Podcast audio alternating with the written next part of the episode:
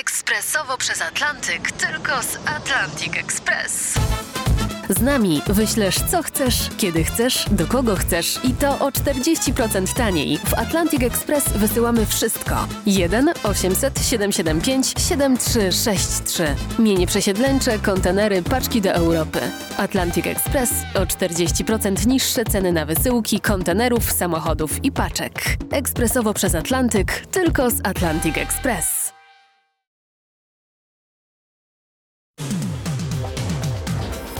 To podsumowanie dnia środy 1 września. Hasła klucze dziś to powrót do szkół, prezydent namawia do szczepień, mniej wypadków w wakacje, wezbrane rzeki, podatek od Polaka, bitwa o nową monetę i protezy dla psów. Michał Zieliński, zapraszam. Rozpoczął się nowy rok szkolny, przynajmniej na razie nauka będzie się odbywać stacjonarnie. Uczniowie na razie jednak żyją jeszcze wakacjami. To były moje najlepsze wakacje. Moje też. Byłam na przykład na kajakach, byłam y, też nad morzem i w górach. No i Czyli wszędzie, gdzie się tylko dało być. no można powiedzieć, że tak. I widzę, że chyba jakieś bieganie było po drzewach albo coś, bo nos rozbity. No i jaki będzie ten rok szkolny nowy? Chyba fajny, ale jeszcze nie wiem. Zobaczymy. Ale rozumiem, pełne energii wracacie do szkoły. No tak. Myślicie, że to się uda, że będziecie się stacjonarnie uczyć? Uda się, będziemy stacjonarnie. A wy która klasa? Ósma, tak? Tak, ósma.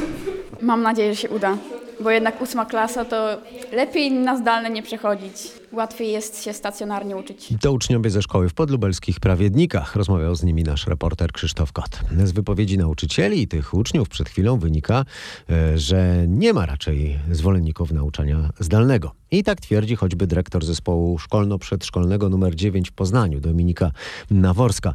Rozmawiał z nią nasz reporter Mateusz Łyston. To będzie rok szkolny trochę z COVID-em w tle jeszcze. E, Jak Państwo musicie się przygotować pod tym kątem do rozpoczęcia roku szkolnego? W tym roku przygotowujemy się bardzo podobnie do roku ubiegłego, bo właściwie wytyczne są e, identyczne do września 2020 roku, czyli e, reżim sanitarny, w miarę możliwości odstępy, maseczki w częściach wspólnych, dezynfekcja, wietrzenie, wychodzenie na przerwy, na zmiany, tak żeby nie było tłoku ani na korytarzach, ani na boiskach. To jest bardzo, bardzo podobny wrzesień do września ubiegłego roku, ale mam w sobie więcej nadziei na to, że jednak będziemy na, mogli nauczać w sposób stacjonarny. Maseczki i materiały do dezynfekcji. Dla dzieci zapewniają rodzice, natomiast dla pracowników w dużej mierze docierają do nas z zewnątrz. Nie mamy akurat w tej dziedzinie żadnego problemu. Zajęcia pewnie od czwartku. Zajęcia od czwartku i to rozpoczęcie roku, y, no też takie bardzo pandemiczne, bo tylko w salach, tylko z wychowawcami nie mamy y, żadnego wspólnego spotkania ze względu na zbyt dużą liczbę dzieci, zbyt dużą liczbę pracowników. To podstawówka numer 9 w Poznaniu, a teraz jeszcze 11 liceum ogólnokształcące w Warszawie, gdzie z mikrofonem był Michał Dobrołowicz. Ile maseczek zabieracie na jeden dzień szkoły? E, Pewnie będę miała jakiś zapas, zapas w szafce albo w plecaku, takich jednorazowych. Tak myślę. Coś jeszcze poza maseczkami? E, żele do dezynfekcji. No ja mam maseczki i żele też tylko. Początek nowego roku szkolnego stacjonarnie tu w budynku szkoły. A jak będzie za miesiąc? Co mówi intuicja? Wydaje mi się, że zostaniemy w szkole na ten rok. Mam chociażby taką nadzieję, ponieważ w tym na zdalnym nauczaniu trochę trudno było zapamiętywać wszystkie rzeczy i się skupiać na lekcjach online. Nie chciałybyście powrotu? To byłoby trudniej, bo to jest pierwsza klasa, nikogo jeszcze nie znamy. Łatwiej się jednak poznać na żywo niż na zdalnych lekcjach. To teraz jeszcze jeden głos zwolennika nauki stacjonarnej. Zachęcam rodziców, by zaszczepili swoje dzieci, mówił dziś prezydent Andrzej Duda w czasie uroczystości rozpoczęcia nowego roku szkolnego w szkole w Kruszewie na Mazowszu. Muszę powiedzieć, że z wielką radością usłyszałem od pana premiera, że nie przewiduje lockdownu szkolnego. Że wszystko wskazuje na to, że w wyniku postępującego programu szczepień nie będzie takiej potrzeby. Że nawet jeżeli przyjdzie kolejna fala koronawirusa, to ta fala nie będzie tak dotkliwa jak to, z czym mieliśmy do czynienia wiosną tego roku. I że wierzy w to głęboko, że system szkolny w normalnym stanie przetrwa ten czas. Oczywiście będą proponowane już dosłownie w najbliższych dniach rodzicom szczepienia dzieci od 12 roku życia, bo tak to jest w tej chwili dopuszczalne. Jako prezydent Rzeczypospolitej zachęcam Państwa do tego, aby dzieci zaszczepić, ale chcę także, żebyście Państwo mieli zapewnione prawo do podjęcia w tej kwestii decyzji. Odpowiedzialnie jako rodzice, bo to jest bardzo ważne. Uważam, że rodzice powinni to prawo mieć a więc, że nie powinno być szczepień obowiązkowych, ale zachęcam do tego, by poważnie to rozważyć. Dodam, że jak mówiłem wczoraj w podsumowaniu dnia, Światowa Organizacja Zdrowia nie zaleca szczepienia nieletnich, e, przynajmniej na razie, dopóki nie będzie więcej wyników badań o działaniu szczepionek. Prawie 130 tysięcy osób z przewlekłymi problemami odporności już może zapisywać się na trzecią dawkę szczepionki przeciwko koronawirusowi. Tyle e-skierowań na szczepienia przypominające wystawiło Centrum Zdrowia. Resort Zdrowia opublikował komunikat, y, który umożliwia podanie trzeciej dawki. Jak ustalił nasz reporter, uprawnionych do przyjęcia takiej trzeciej dawki jest ponad 220 tysięcy ludzi. Jednak prawie 100 tysięcy osób wciąż nie przyjęło nawet jeszcze dwóch pierwszych dawek. Teraz w podsumowaniu dnia o granicy polsko-białoruskiej. Boimy się prowokacji z udziałem białoruskiego i rosyjskiego wojska. W ten sposób polskie władze tłumaczą za granicy powody wprowadzenia na naszej wschodniej granicy stanu wyjątkowego. Jutro prezydent ma podpisać rozporządzenie w tej sprawie. A wiele zagranicznych rządów prosi o wyjaśnienia. Warszawa odpowiada, że nie chodzi o kilkudziesięciu uchodźców, lecz głównie o rosyjską armię. Krzysztof Berenda o tym, co rosyjskie wojsko ma do polsko-białoruskiej granicy. Przede wszystkim 10 września ruszają na terenie Białorusi rosyjskie ćwiczenia wojskowe Zapad, tuż przy naszej granicy. Rząd obawia się związanych z tym prowokacji. Od jednego z polskich ministrów usłyszałem, że na przykład boimy się, iż Rosjanie, przebrani za Polaków, zaczną na przykład obrzucać ćwiczące rosyjskie wojsko kamieniami, co Rosjanom da pretekst do agresywnych zachowań. Poza tym rząd obawia się, że przy granicy pojawią się masowe, inspirowane ze wschodu manifestacje. Takie tłumaczenia Warszawa wysyła za granicy pytającej o powody wprowadzenia stanu wyjątkowego tuż przy granicy. Ten stan, przypomnę, oznacza, że nikt postronny nie zbliży się do zamkniętych miejscowości, także organizacje humanitarne i dziennikarze. Sejm na razie czeka na decyzję prezydenta. Posłowie rozporządzeniem mają się zająć w poniedziałek. Roch Kowalski teraz o tym, czy rządzący znajdą większość dla tego rozwiązania. Prawo i Sprawiedliwość zapewne nie będzie miało z tym większego problemu, bo posłów partii rządzącej w głosowaniu nad rozporządzeniem o wprowadzeniu stanu wyjątkowego wesprzeć mają posłowie Konfederacji. Większość opozycji będzie głosowała zapewne przeciw. Politycy jeszcze się wahają, tłumaczą, że rząd nie przedstawił tak na dobrą sprawę argumentów za wprowadzeniem wprowadzeniem stanu wyjątkowego i że nie wykorzystał jeszcze wszystkich przewidzianych w Konstytucji innych mechanizmów, które pomogłyby zażegnać kryzys na granicy polsko-białoruskiej.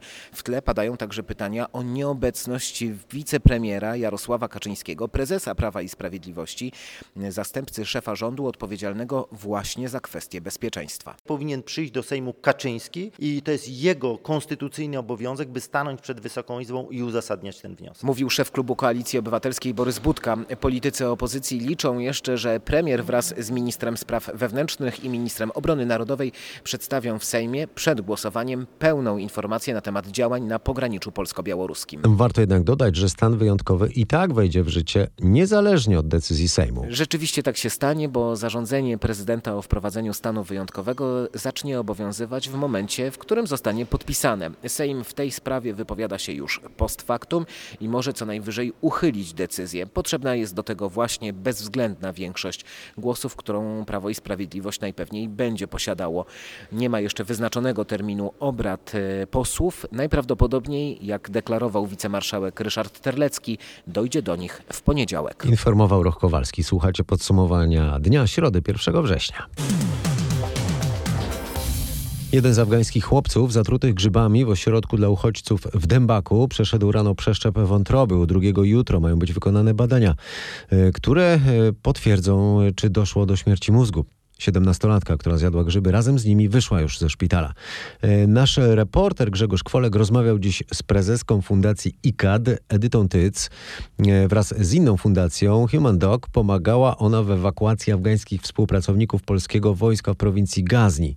E, tych tragedii można było uniknąć, mówi Edyta Tyc. Można było poinformować te osoby, które pochodzą z innego kraju, z innego kręgu kulturowego, o tego typu niebezpieczeństwie. Trzeba było wyprzedzić pewien bieg zdarzeń, pomyśleć, że takie zdarzenia mogły mieć miejsce, a przynajmniej w momencie, kiedy pierwsze tego typu zdarzenia miało miejsce, poinformować.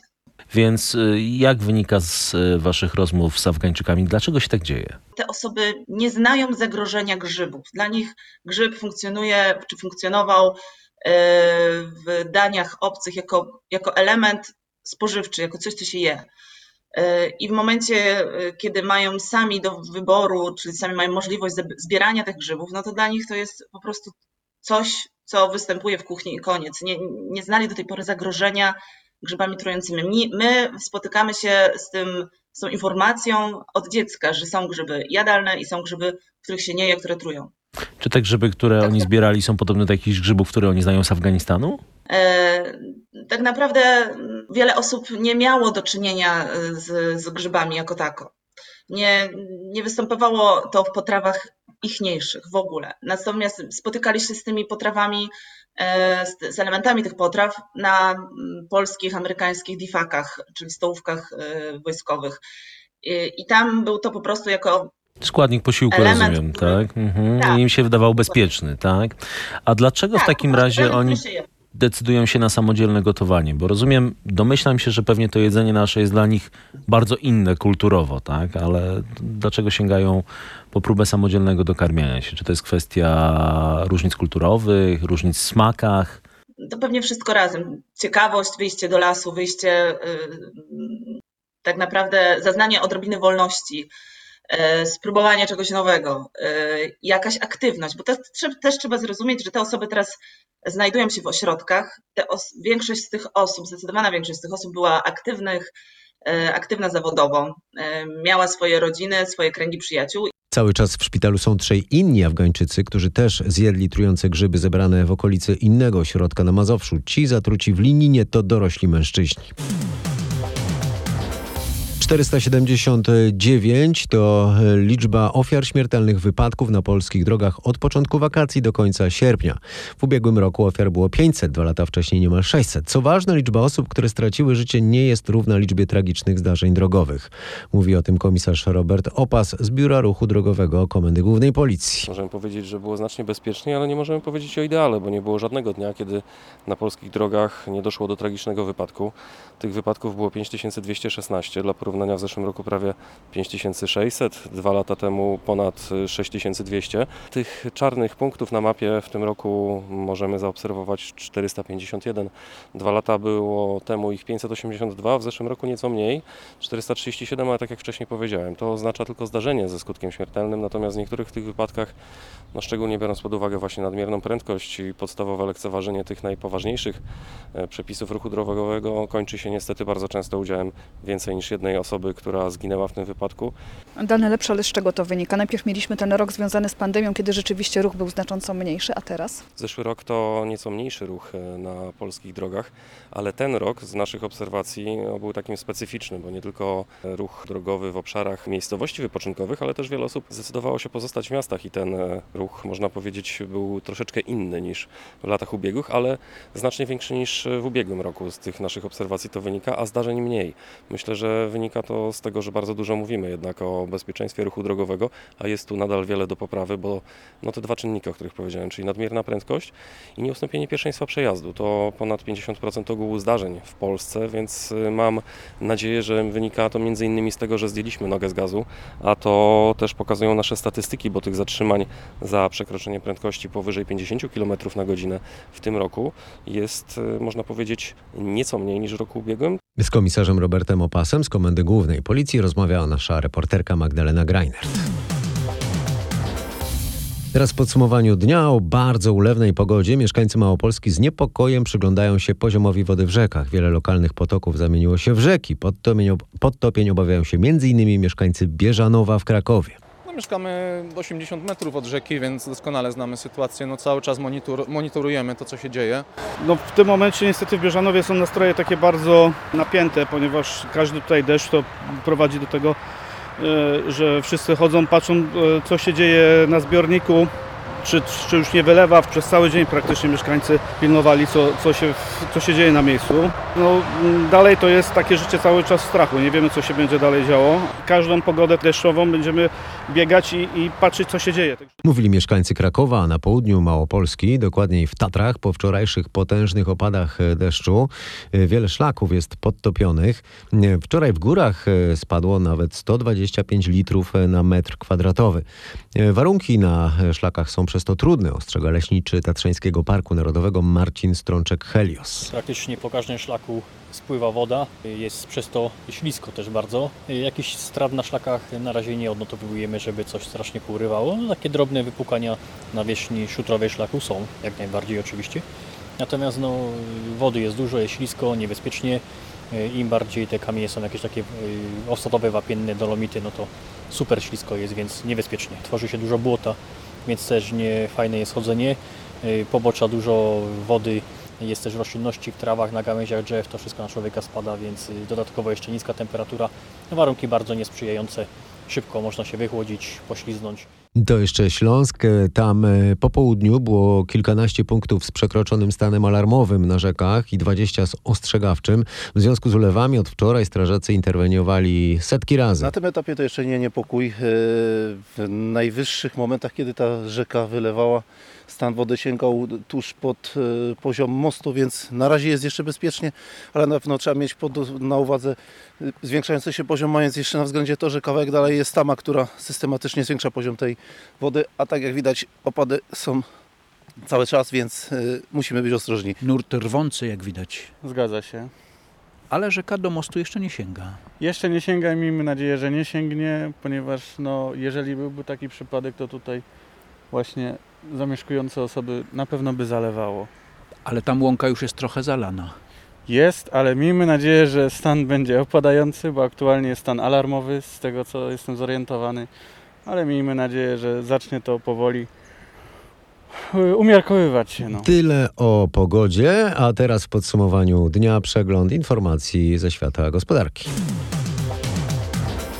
Polskie fabryki mają coraz większe problemy z zapewnieniem sobie dostaw części. Skutkiem mogą być podwyżki cen rozmaitych urządzeń i towarów przemysłowych. Wynika to z lockdownowych opóźnień i rozregulowanego systemu transportu. Przez to właśnie fabryki nie mogą liczyć na terminowe dostawy materiałów i części. Zapasy się kończą, a trzeba też pamiętać, że współczesna seryjna produkcja odbywa się na zasadzie punktualnych dostaw wielu komponentów. Przez to więc wszystko opóźnia się produkcja, a zamówień jest mnóstwo i dlatego fabryki nie nadążają z realizacją zamówień.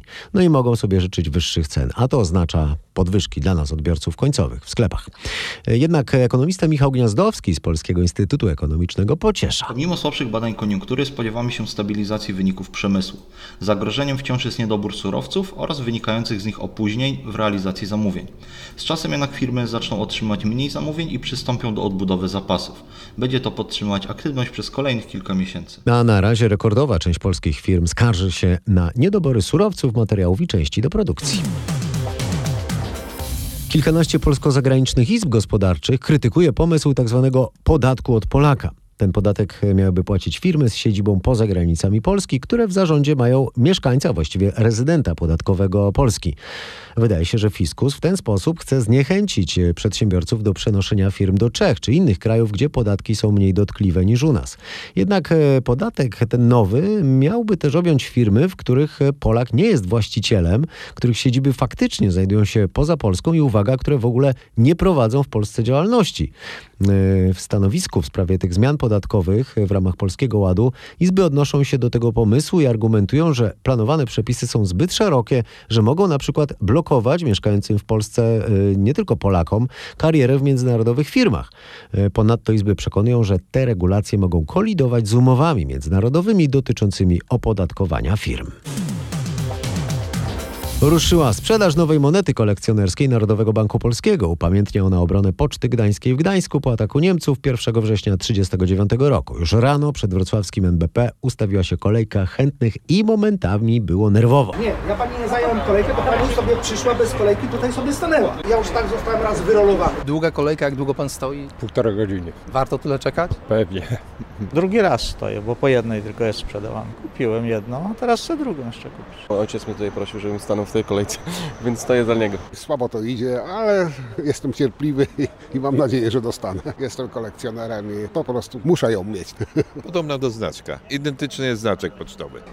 Wypada mieć. Także, że to na pewno nietypowa moneta będzie i na pewno jakąś osiągnie większą wartość. Mówili stojący w kolejce po srebrną monetę, która ma nominał 20 zł, a jej nakład to 10 tysięcy sztuk. Uroczystą premierą nowego filmu Pedro Almodovara zacznie się wieczorem raz, dwa, trzy. Uroczystą premierą nowego filmu Pedro Almodovara zaczyna się 78. Międzynarodowy Festiwal Filmowy w Wenecji. Wśród tytułów, które zaczynają dziś walkę o Złotego Lwa jest też film z Polski. E, to, jak przypomina Katarzyna Sobiechowska-Szuchta, żeby nie było śladów, Jana P. Matuszyńskiego. Tym razem twórca obsypanej nagrodami ostatniej rodziny opowiada o maturzyście Grzegorzu Przemyku, synu opozycyjnej poetki Barbary Sadowskiej, który w maju 83 roku został ciężko pobity przez milicjantów i kilka dni później zmarł. Polski film ma silną konkurencję z nowym Almodowarem na czele. W konkursie głównym walczy aż 21 tytułów. Cieszę się, że zaczynamy tak wysoko, bo Wenecja to jest taki mocny start. Mówi Jan P. Matuszyński. Światowa premiera naszego filmu 9 września. Dwa dni później poznamy laureatów Wenecji. A na razie jest pierwszy dzień września. Słuchacie podsumowania dnia. Student weterynarii z Wrocławia tworzy drukowane w technologii 3D protezy dla okaleczonych psów. Przygotowuje je na razie dla dwóch psich pacjentów. Jeden z nich stracił łapę po potrąceniu przez samochód, a drugiego przejechał pociąg. Nasz reporter Paweł Pyclik rozmawiał z Maciejem Szczepańskim, studentem ostatniego roku medycyny weterynaryjnej na Uniwersytecie Przyrodniczym. No i właśnie stwórcą tych protez. Pracuję z dwoma y, psiakami. Y, jeden to trzyletnia Sonia Kundelek, drugi zwierzak to ośmioletni Leto. Jak to w ogóle się stało, że stwierdziłeś, że to zrobisz? Ogólnie już taki pomysł mi się pojawił jakoś na drugim roku, ale wtedy nie było za bardzo czasu, miałem więcej nauki i tak dalej. Teraz jakby właśnie ten, ten pomysł powrócił i też, też ogólnie mm, od dawna interesuję się ortopedią weterynaryjną, więc to było takie dla mnie naturalne, żeby coś w tym, tym kierunku zacząć działać, nie tylko czytać książki książki. Jak to w ogóle jest możliwe, że ty jesteś w stanie taką protezę zrobić? Jak ten proces, mhm. proces wygląda? Na początku oczywiście muszę się spotkać ze zwierzakiem mm, i ten jego kikut y, umieszczam w takiej specjalnej masie, jest to alginat.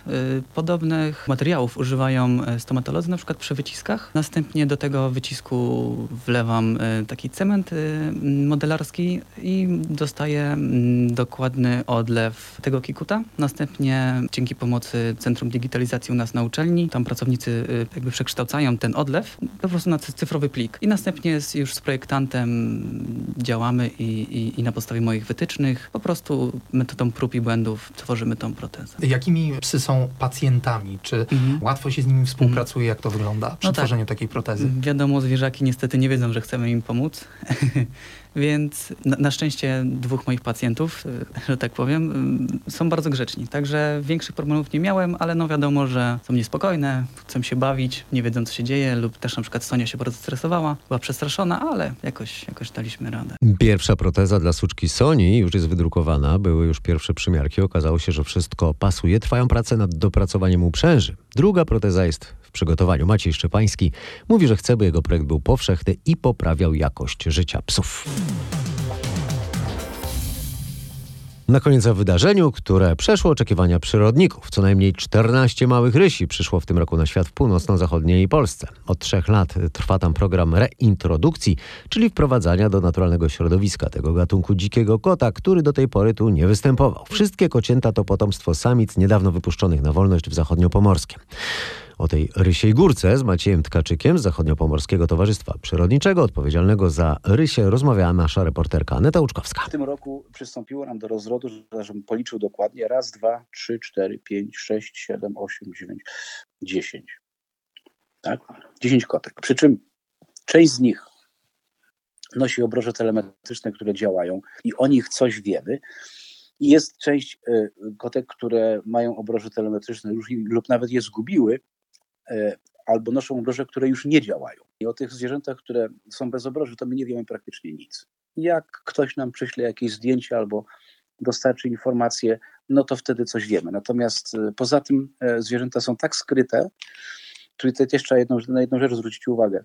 Te rysie zachowywały się różnie. Miały różnego rodzaju wyskoki, trzeba było podejmować interwencje, bo tam były takie sytuacje, że jakiś przyszedł do kurnika, jakiś tam patrzył, na, przychodził i siedział przed klatkami z królikami, patrzył na te króliki, tak jakby chciały tam, no były takie różne sytuacje. W momencie, gdy się pojawiły kocięta, to nawet te kotki, które były kłopotliwe, one natychmiast zaczynają się zachowywać poprawnie.